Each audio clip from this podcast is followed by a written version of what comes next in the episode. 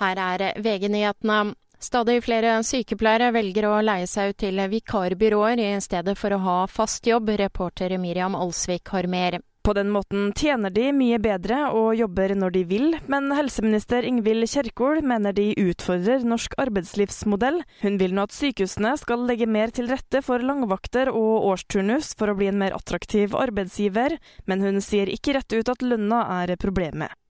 Flytoget svartelister fem drosjeselskaper og vurderer politianmeldelser for forfalskning av rekvisisjoner og altfor høye priser. Ifølge Dagens Næringsliv har Flytoget over 40 fakturaer under behandling. De aktuelle selskapene nekter imidlertid for å ha gjort noe galt.